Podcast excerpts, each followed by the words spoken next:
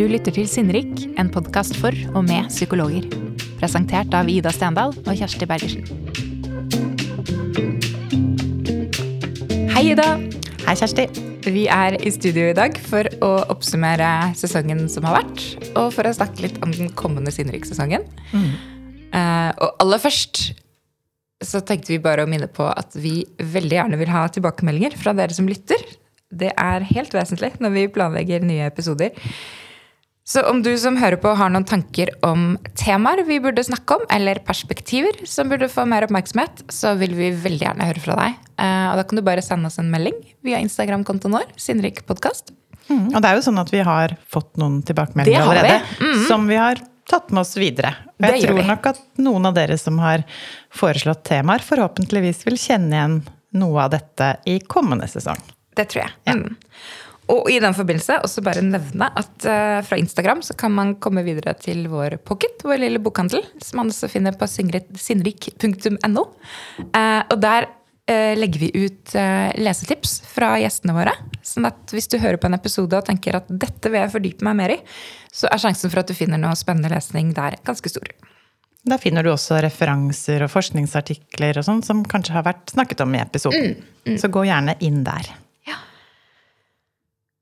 Hvis jeg skal oppsummere litt fra sesongen som har vært, eh, så har vi hatt en del episoder som har gått på barn og ungdom denne høsten.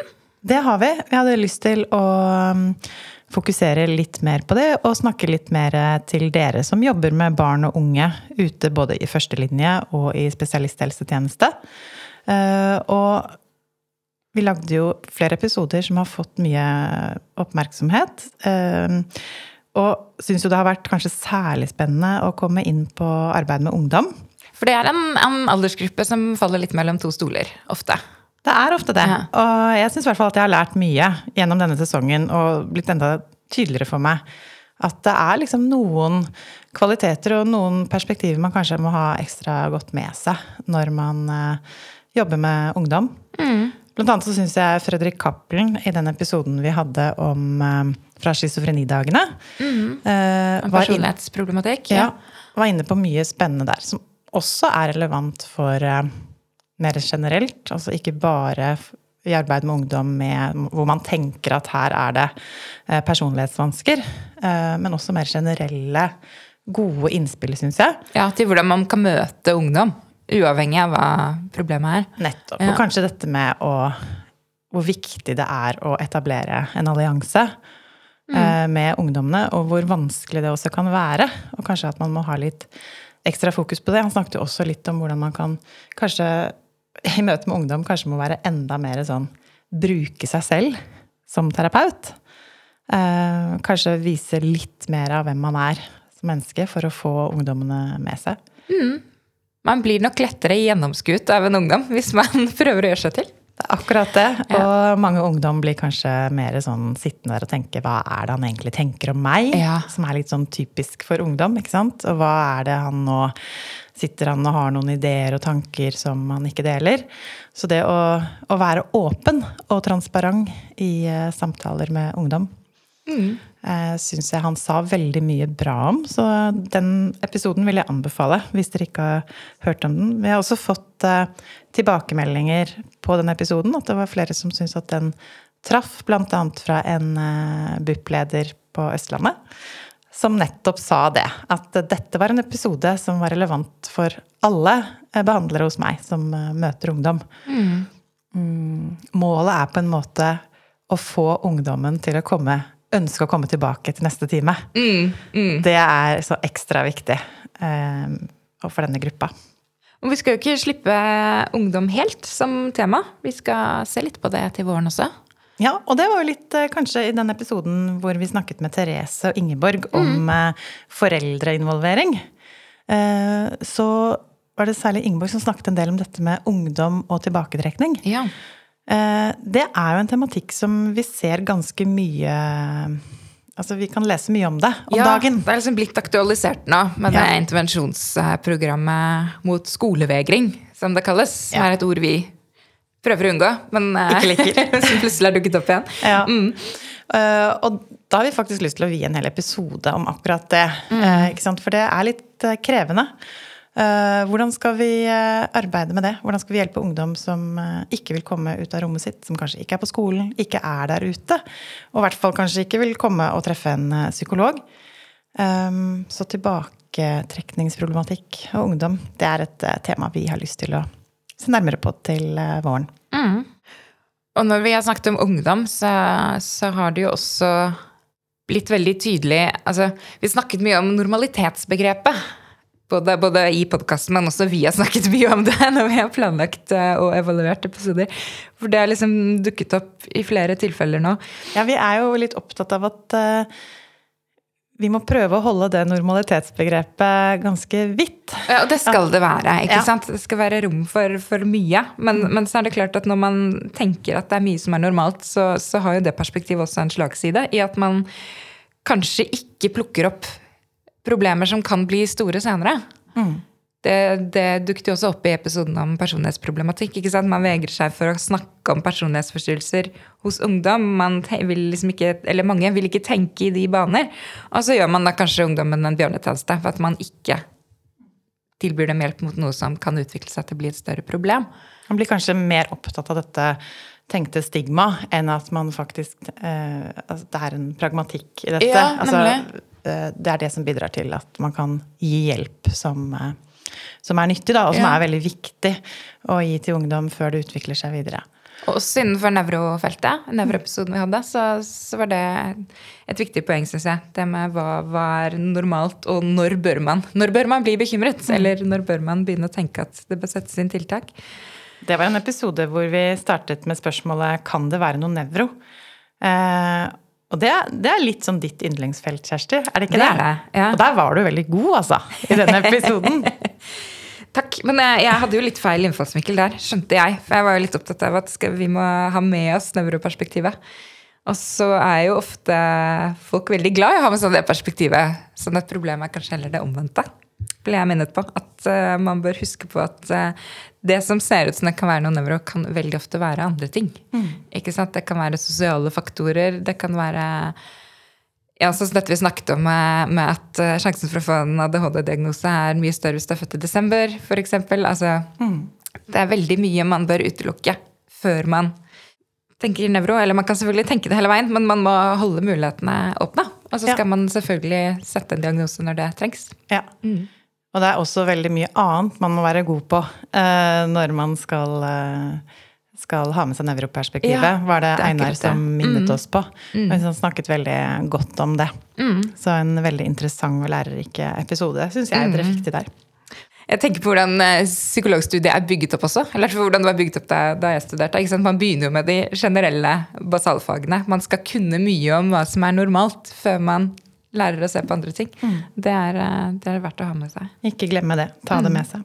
Mm. Men uh, hvis vi skal tenke nå litt på um, neste sesong Vi snakket om dette med ungdom, men vi mm. har flere planer? Det har vi. Vi har notert oss at vi skal snakke litt om det å avslutte terapi. Mm. Og det å starte opp terapi, egentlig rammene mm. for terapisituasjonen. Mm. Ja. I fjor så hadde vi jo en vi kalte det en liten miniserie om krevende terapier. Da snakket vi om tok opp liksom temaer som eh, mange syns er kanskje litt ekstra vanskelig. Mm. Eh, kanskje mer sånn generelle temaer som dukker opp i flere typer terapier. Og det er det faktisk flere som har meldt tilbake til oss at de gjerne vil at vi skal gjøre litt mer av. Mm. Eh, så da har vi funnet kanskje to vinklinger som vi har lyst til å, å lage episoder om til neste år.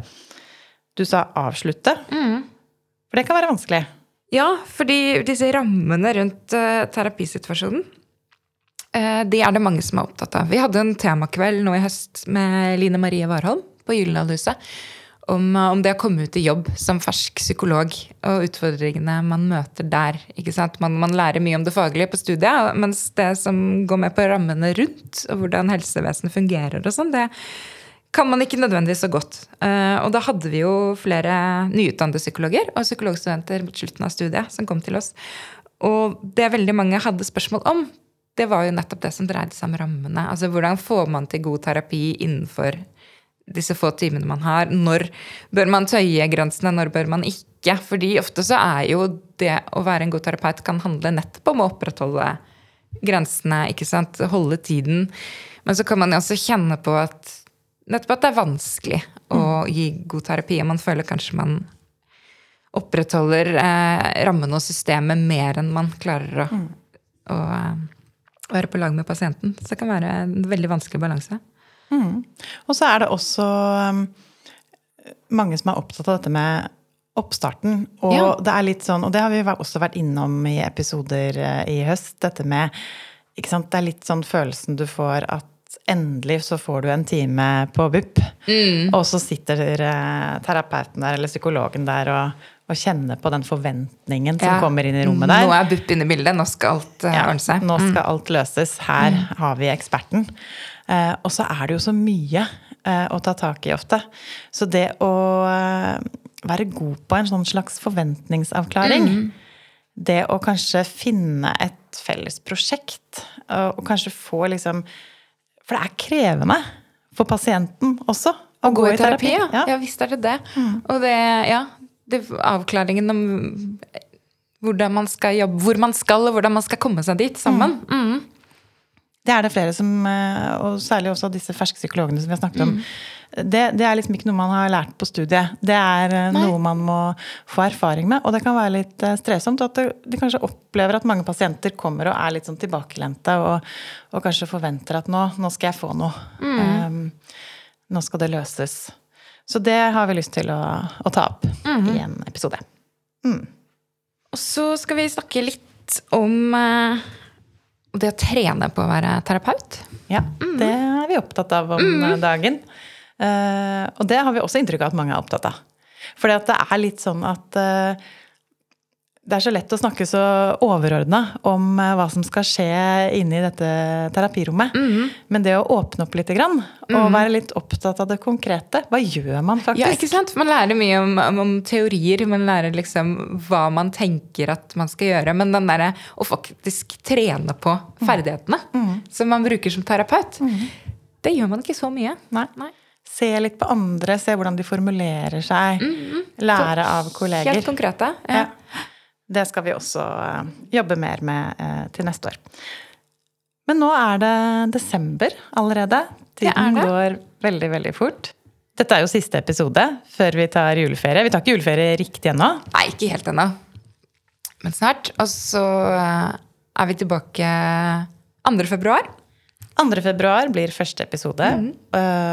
Og da skal vi holde på gjennom uh, vinteren og utover våren. Mm. Fortsett å sende oss innspill og kommentarer og ønsker mm. gjennom desember. Vi tar det med oss.